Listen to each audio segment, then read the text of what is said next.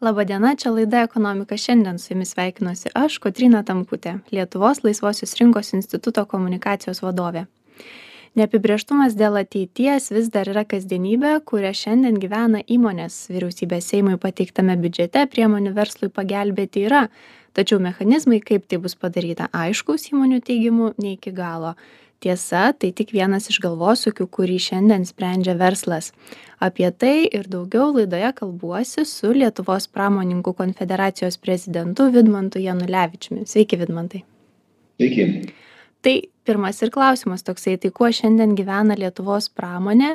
E, žinau kad ketvirtadienį turėsit metų ekonomikos forumą kuriame visus matyt tuos iššūkius ir aptarsit kurie iš jų šiandien yra po jūsų padidinamuoju stiklu ir energijos kainos matyt tik vienas iš jų.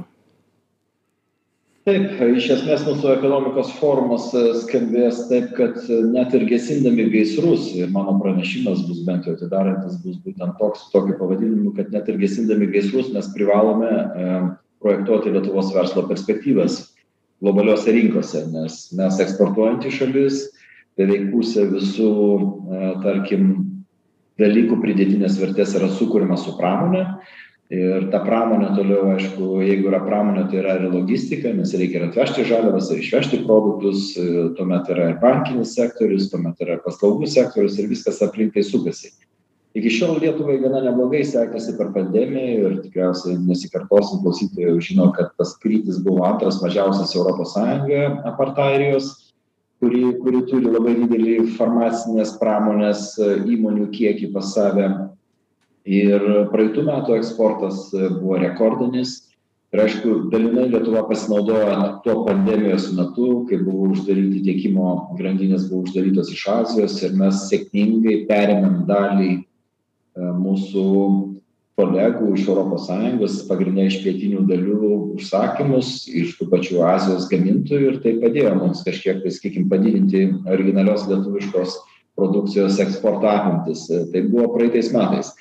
Taigi šiais metais aišku mes matome tokį sumažėjimą lyginant su praeitais metais jau vis tiek metų galas artėja ir mums aišku reikia ruoštis be abejo tokiam sulėtėjimui galimam ekonomikos ir apie tai praktiškai mūsų visas forumas ir bus. Kalbėsimės ir su europos sąjungos komisarais kalbėsimės ir su ministrais kalbėsime apie su pasaulio ekonomistais kalbėsimės su e, buvusiais nato vadovais ir ir pasiuntiniais. Bandysime ieškoti tų sąlyčio taškų kaipgi visgi mums surasti tą sprendimą kad ta galima na tokia pasaulio susitraukimo prognozė jinai paliestų Lietuvą ir Europos Sąjungą kaip manoma mažiau.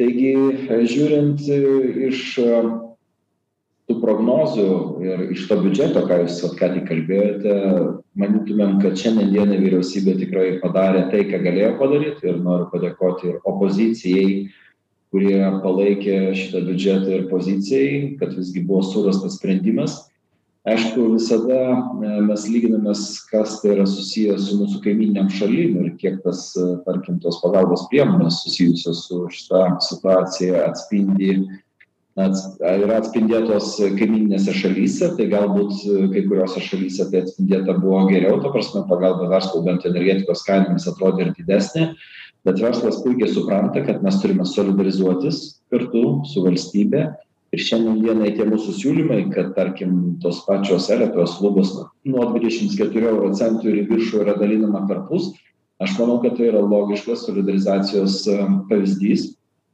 ką mes pramonininkai lietuvos pramonininkų konfederacija ir esame siūlę kad dalinam rizikas per pusę. Kai šviečia saulė ir nereikia skėčio mes gi atiduodam mokam mokesčius ir tie mokesčiai praeitais metais buvo sumokėti vieni iš didžiausių per visą istoriją kai lyja lietus reikia mums kartu žiūrėti kaip glausis po tuo skėčiu taigi aš manau kad yra logiškas sprendinys. Atitinka mūsų lūkesčius. Galbūt ne visiems tai yra padėta nes aišku nėra galbūt pagalbos įmonėms kurios vartoja dujas. Čia yra kitos pagalbos priemonės kurios stambesnes įmonėms stambesnėms įmonėms padės truputį sušvelninti visą tą dujų pabrangimą ir tikėkimės kad tos dujų kainos dabar po truputį mažėja mes matome kad ta tendencija išsilaikys bet tam jau reikia europos sąjungos sprendinių kad tos kainos mažėtų visai europos sąjungos rinkai kaip suprantu, vis tiek situaciją vertinate pakankamai pozityviai, ar ne? Rugsėjai buvo skelbiami duomenys apie keliasdešimt įmonių dėl esamos situacijos ekonomikoje priemusių skausmingus sprendimus nutraukti veiklą. Dabar, kaip suprantu, ar ne, kaip be būtų sunku, sudėtinga galbūt, vėlgi, kai kurioms įmonėms, kai kurioms lengviau, kai kurioms sunkiau, į situaciją žiūrit pozityviai? Na norisi tikėti to pozityvumo nes jeigu nesitikėsim pozityvumo tai tada matyt ir viskas kas bebūtų atrodys blogai tai šiandien dienai yra sustojusių įmonių yra sustojusių įmonių vis tiek bet pagrinde jos yra sustojusios tarkim dėl tų pačių dujų vartojimo ir dėl kitų dalykų. Dalis įmonių pamažėjus elektros kainai grįžo atgal rinką bet mes daugiausiai stebime žinote esminis dalykas vis tiek lietuva laikosi ant eksporto. Lietuvos pramoninkų konfederacija šiandien dienai jeigu žiūrėti visą lietuvos eksportą mūsų nariai tie keturi tūkstančiai įmonių vidutinių stambesnių e, eksportuoja aštuoniasdešimt penkis procentus viso lietuvos eksporto taigi mes orientuojamės į tai ar krenta paklausa. Taip paklausa truputį krenta bet jinai nekrenta taip drastiškai kaip mes manėme. Ir mums yra labai svarbūs mūsų užsakovai tos pačios sąjungos šalys ir tarkim ta pati vokietija į kurią eksportuojama vos ne didžiausias kiekis vokietija skandinavijos šalys ir dabar jau ta pietų europa jinai yra gana ženkli po ko po pandemijos mes turime nemažą eksporto rodiklį ir ten taigi kol kas mes drastiško kritimo užsakymų nematome ir vokietija paskelbusi apie paramą savo e, savo įmonėms du šimtai milijardų eurų kas yra penki procentai nuo bvp tai yra iš tikrųjų didžiulis kiekis. Galbūt tai nebuvo solidarus veiksmas kartu su visa sąjunga kaip buvo pandemijos metu kai vokietija laidavo ir visas kitas šalis mes visi laidavome vieni už kitus kaip sąjunga bet paskyrė tai savo verslui. Bet jeigu vokietijos verslas tarkim važiuoja liaudiškai kalbant į priekį tai mes turime tuos pačius užsakymus lygiai taip pat nes jie nesiruošia mūsų palikti ir dėl kelių mėnesių arba ten dėl kelių kelio kelių pusmečių šokti atgal į azijos glėbį nes bendra tendencija europos sąjungoje šiandien dienai po pandemijos po karo po visų šitų dalykų yra visgi gaminti europos sąjungoje grąžinti gamybą į europos sąjungą o ne bandyti ieškoti pigesnio šaltinio pigesnio gaminio kažkur kitur už europos sąjungos ribų. Taigi ta bendra tendencija ir tos paskatos iš europos komisijos ir judėjimai ta linkme dėl dėl tam tikrų paskatų priemonių tai jos duoda vaisius. Ir aš matau kad kol kas mes žiūrime taip a optimistiškiau negu kad žiūrėjome prieš porą mėnesių kai elektros kainos buvo didžiulės ir kai reikėjo stabdyti gamybas praktiškai daugeliui įmonių bent jau mažinti pamainų skaičių nes mes tiesiog buvom nekonkurencingi daugeliui kitų šalių atžvilgiu dėl elektros kainos. Tai šiandien situacija jinai yra e, su tom paskatos priemonėm ir su tuo biudžetu kuris tikiuosi bus priimtas jinai yra truputį mums optimistiškesnė kalbėjote šiek tiek apie eksportą, tai e, apie naujas rinkas norisi klausti, nes e, iš tikrųjų pastaraisiais metais būdų ir galimybių įsitvirtinti kitose rinkose tikrai reikėjo ieškoti ne kartą ir ne du. Tai kaip sekasi tai daryti ir kokių pastangų, vėlgi, kaip ir prieš tai kalbėjote, solidariai ar ne, ir verslui, valstybei tai reikia daryti jo jūs teisi kad mums reikėtų visgi apsibrėžti į kurias mes rinkas eisime ateinančius dešim dvidešim metų. Niekas nesikeičia per metus per du. Tarkim kai kurias rinkas mes praradome dėl savo politinių veiksmų laikas parodys ar mes išlošėm ar mes pralošėm. Kalbu aišku pagrinde apie aziją ir kiniją ir tikimės kad tos rinkos bus kompensuotos kitur bet įėjimas į rinką tikrai užtrunka tris penkis metus ir su visais sertifikavimais ir su visais kitais dalykais. Aišku dabartinė mūsų prerogatyva yra be pačios sąjungos kalbant apie lietuvą yra jungtinės amerikos valstijos bet ir ten įėjimas į tą rinką yra labai sudėtingas nes yra labai stiprūs sertifikavimai yra daug apribojimų yra daug visokiausių dalykų ko verslui užtruks dėl to noras valstybei ir vyriausybei sakyt kad mes visgi suprogramavę tas rinkas į kurias turime eiti ir tikimės. Aišku visko gali atsitikt gali atsitikti perversmai ir ir ir ir ta tas visas įdirbis gali būt nubrauktas demokratinėse šalyse jeigu jos pasuks autoritariniu keliu kaip mes matome kai kuriose šalyse tai yra. Bet visgi dešim dvidešim metų tai turi būt konstanta į kurias mes dirbame sistemingai nešokinėdami nesiblaškydami ir matydami tenai perspektyvą. Tokiu būdu verslas investuoja savo pinigus tikimės tos pagalbos iš valstybės irgi lygiai taip pat dabar su rytų bloko šalim pavadinkim rusija baltarusija kurios ir ukraina kuri iškrito iš mūsų konteksto mums reikia keisti visą žaliavų tiekimą. Įsivaizduokite kaip anksčiau buvo viskas įprasta su metalu su mediena su tam tikrais plastikais su chemikalais ir ir ir kitais kur tos šalys turėjo didžiąją daugumą ir mes jau buvom susidėlioję grandines kurios būtų. Viskas apsivertė viskas pasikeitė reikėjo surasti alternatyvų ir tą lietuvos verslas padarė labai greit ir būtent lietuvos pramonininkų konfederacijos įmonės e, didžioji maksimali didžioji dauguma viską pakeitė sustabdė visas veiklas tenai. Gal ir liko dar keletas įmonių bet tai yra na maksimum pirštų suskaičiuojami dalykai ir tai buvo padaryta viskas praktiškai per pusmetį. Ir tai nėra paprasta nes su nauju tiekėju tu turi surasti ir pinigų jam apmokėti iš anksto avansines sąskaitas. Aišku kad tas tiekėjas jau yra iš toliau iš kitos iš kitos visai netgi sakykime pasaulinės vietos. Tai vadinasi pailgėjo tiekimas laivai frachtai viskas. Ir čia šitoj vietoj aš sakyčiau su dabartiniais rezultatais matant lietuvos verslas išlaikė savo stuburą lietuvos pramonė turi jį ir mes konvertavomės labai gerai. Ir aišku čia šitoj vietoj dėkui visom įmonėm ir ir ir mūsų visiems nariams ir kitiems visiems lietuvos subjektams kurie priėmė šitą iššūkį su karu susijusį ir sugebėjo konvertuotis ir nesustabdyti daugelio gamybų. Nepaisant visų iššūkių pandemijos nepasibaigusios reiškia tiekimo žaliavų trikdžių visų susijusių irgi su ta pačia pandemija ir geopolitika. Karas be abejo pirmoj eilėj ir iš to pasekos aišku įvyko tas energetinis energetinė krizė kuri sudavė ko gero skaudžiausiai šiandien dienai lietuvos pramonei įėjimas į kitas rinkas neįsivaizduojamas turbūt be konkurencingumo ar ne didinimo e, tam tikrais aspektais minėjote e, elektros energijos kainas, e, bet kokie šalia to dar yra aspektai, kuriuos mes turėtumėm didinti, mažinti, stiprinti, atsisakyti tam, kad vis dėlto didėtų mūsų įmonių konkurencingumas tiek ES viduje matyti, tiek ir, ką sakėte apie pasaulinės rinkas. Jo, geras jūsų klausimas, tikrai šitoje vietoje mes neturime iškrysti iš bendro konteksto lietuva šiandien dienai aplenkė visas savo kaimynes pagal bvp per ppp modelį ir latviją ir estiją ir lenkiją ir aišku išlaikyti mum šitą konkurencingumą nėra paprasta. Įstatymų bazės ateityje tikrai turėtų būt suvienodintos. Tai tas pats yra ir ir reinvestuojamo pelno skirstomojo pelno modelis kurį turi aplinkinės šalys o mes jo neturim bet dar vis kažkaip ekonomika mūsų juda palaipsniui visgi mes turėtumėm suvienodinti tas sąlygas kad ypač tokiu kritiniu metu kaip yra dabar lietuva išliktų patraukli šalis investuoti nepaisant geopolitinių įtampų kurios yra visai netoli mūsų. Tai jau baido dalį investuotojų mes turime stengtis ieškoti būdų kaip pritraukti investuotojus pas mus o investuotojai lietuvos pramonininkų konfederacija ir ir ir daugelis verslo tarybos narių o verslo taryba įeina ir pramonės amatų rūmai lietuvos ir investuotojų forumas ir lietuvos darbdavių konfederacija lietuvos pramonininkų konfederacija mes matome visgi kaip fizinį buvimą lietuvoje statymą gamyklų kūrimą naujų darbo vietų ir tos pridėtinės vertės daugumoje per kad ir per programinę įrangą bet per fizinį kažkokią tai gamybą. Nes šiandien dienai mes daug girdime kad yra labai daug it sprendimų ir visa kita taip tai yra labai svarbi dalis be it niekur mes nenuvažiuosime bet įmonės ateinančios su it sektorium jos dažna gana dažnai gali lengvai perkelti savo buvimo vietą.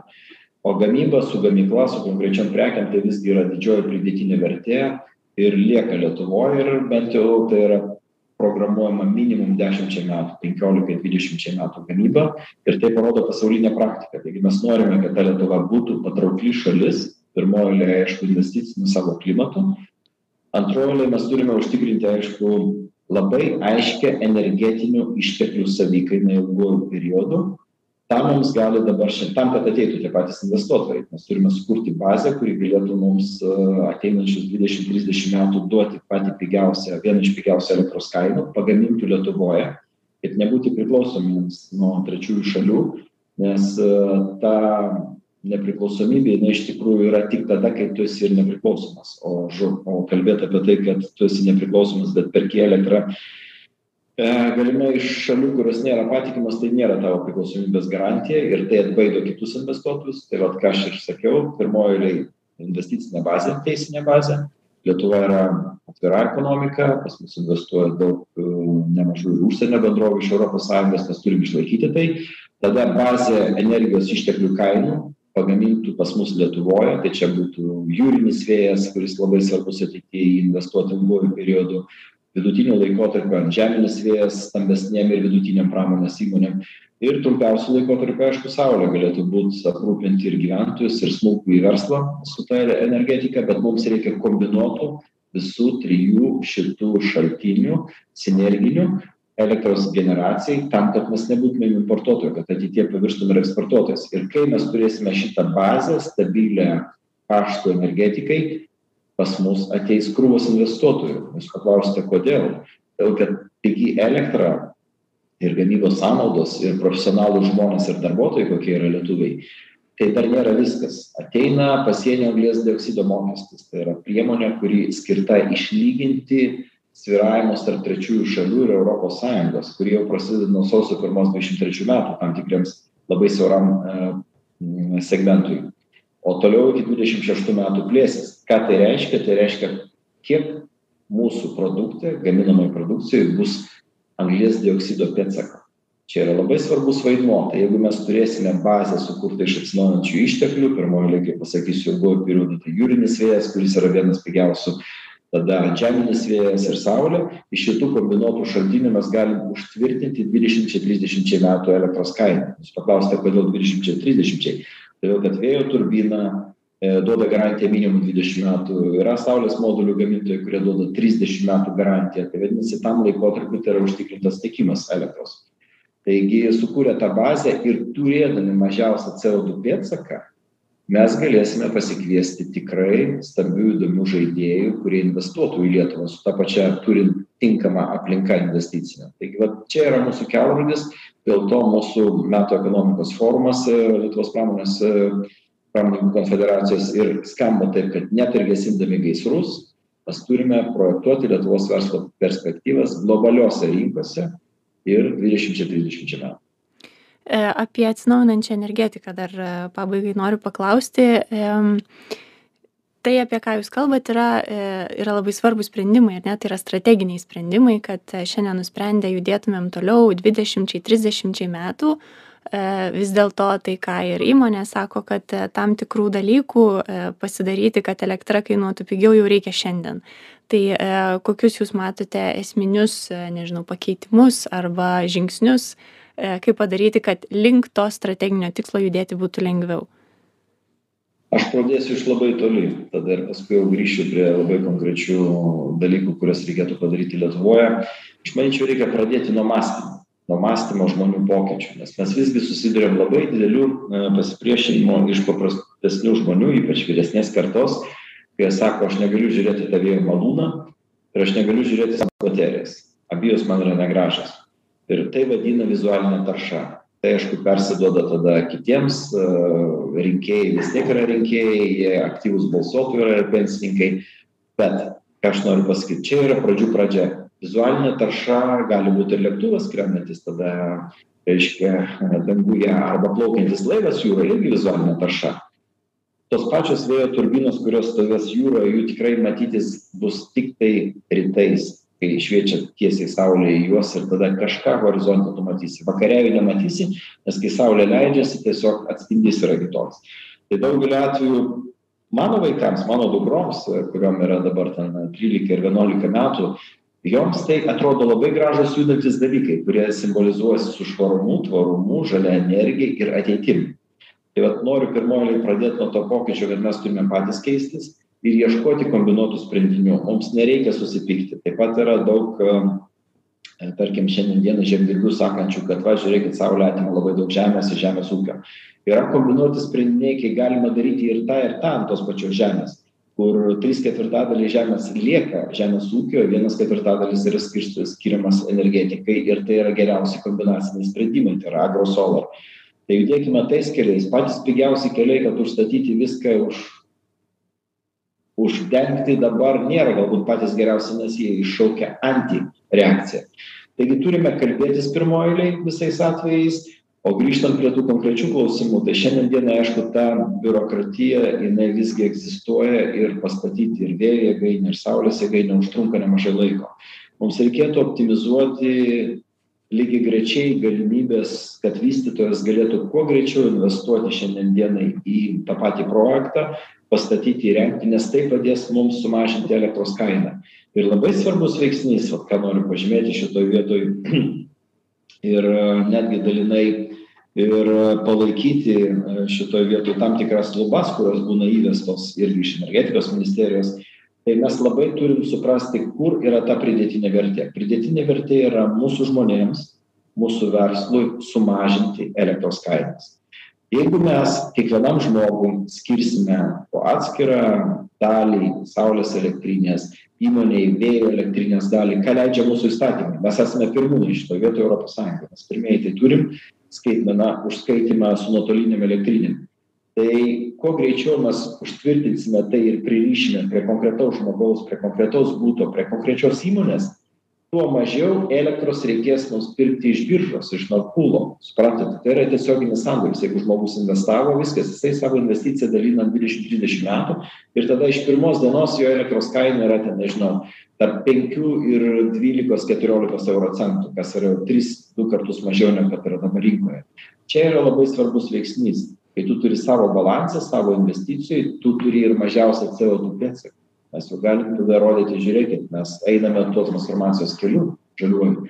Tai ir vat tie biurokratiniai tarkim trikdžiai kurie yra dabar užima ten pusę metų metus o iki trijų ir penkių metų jie sudaro prielaidas nusivilti visa ta puikia sentencija kuri dabar vyksta nes lėšų šitai transformacijai ši vyriausybė ir prieš tai buvusi vyriausybė tikrai skyrė nemažai ir ateina dar didesnis kiekis tų lėšų. Tai ar mes jas teisingai investuosime kas atitiks ir mūsų lūkesčius dėl nepriklausomybės. Ar mes teisingai sukursime tą energetinę aplinką tvarius sprendimus ilgiems metams kad pritraukti investuotojus ir ar mes turėsime tą nepriklausomybę tikrąją. Tai viskas yra mūsų rankose. Tai vat šitoj vietoj mes turėtumėm ieškot tų sąlyčio taškų ir greitinti tam tikrus sprendimus kurie šiandien dienai deja nėra nėra tokie aktyvūs. Ir investuoti į tinklą tik būdami tinkle su visa europos sąjunga sinchronizacija ir pirmoj eilėj lietuvoje mes galime pasiekti tai taip greitai kad kainos elektros visiems žmonėms mažėtų kuo greičiau bet čia mes patys sau dažnai sukuriam tas kliūtis Tai pradėti nuo savęs, ar ne? Turbūt e, dažna, dažnas visada, palinkėjimas. Taip, visada reikia pradėti nuo savęs, nuo savo vidinio kiemo nes jeigu tu kalbėsi gražiai bet tu pats viduj pas save kieme nesusitvarkysi tai reikalauti iš kaimyno kad jo kiemas atrodytų gerai kai pas tave užžėlusi žolė tai ko gero šiaip jau šitoj vietoj nedera Supratau, tai ačiū labai. E, šiandien laidoje kalbėjausi su Lietuvos pramoninkų konfederacijos prezidentu Vidmantu Janulevičiumi. Kalbėjomės apie tai, kaip šiandien gyvena Lietuvos pramonė ir ką daryti, kad e, didėtų Lietuvos konkurencingumas rinkoje. Ačiū visiems klausytojams. E, iki kitų sustikimų. Sveiki sugrįžę, čia rubrika Stebime valdžią, kurioje apžvelgsiu naujausius ir aktualiausius valdžios pasiūlymus bei sprendimus.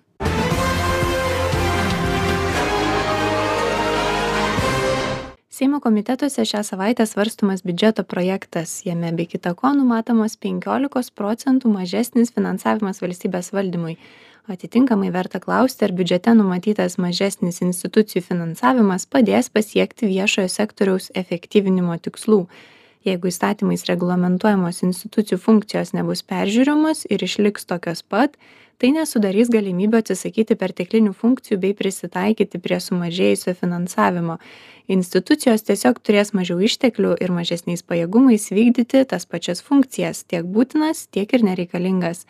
Todėl kuriama vertė piliečiams mažės. Siekiant užkirsti tam kelią biudžeto įstatymas būdamas svarbiu valstybės dokumentu turi įpareigoti per nustatytą terminą peržiūrėti įstatymais reglamentuotas funkcijas taip kad institucijos galėtų deramai atlikti prioritetines funkcijas ir neskirtų išteklių pertekliniams. Tai galiotų ir įpareigotų institucijų vadovus stebėti kurios vykdomos funkcijos nesukuria pridėtinės vertės bei neatitinka laikmečio reikalavimų ir pateikti įstatymų pataisas svarstytinas ateinančios seimo sesijos metu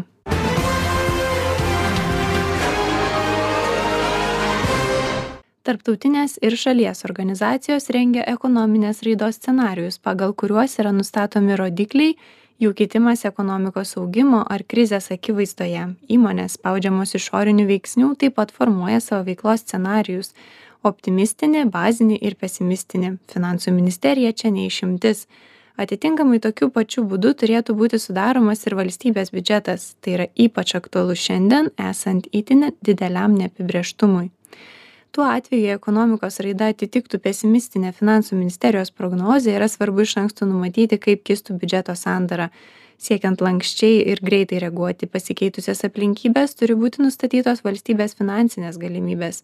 Kokio finansavimo bus visiškai atsisakoma koks bus mažinamas proporcingai koks liks nepakitęs o kuris gali būti padidintas jei tai nebus padaryta iš anksto sunkmečio akivaizdoje iškils būtinybė ilgai trunkančioms biurokratinio ir politinio derinimo procedūroms.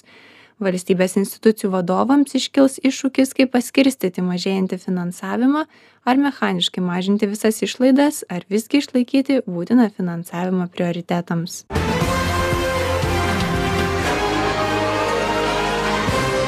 Ačiū už dėmesį čia buvo rubrika stebime valdžią. Iki kitų susitikimų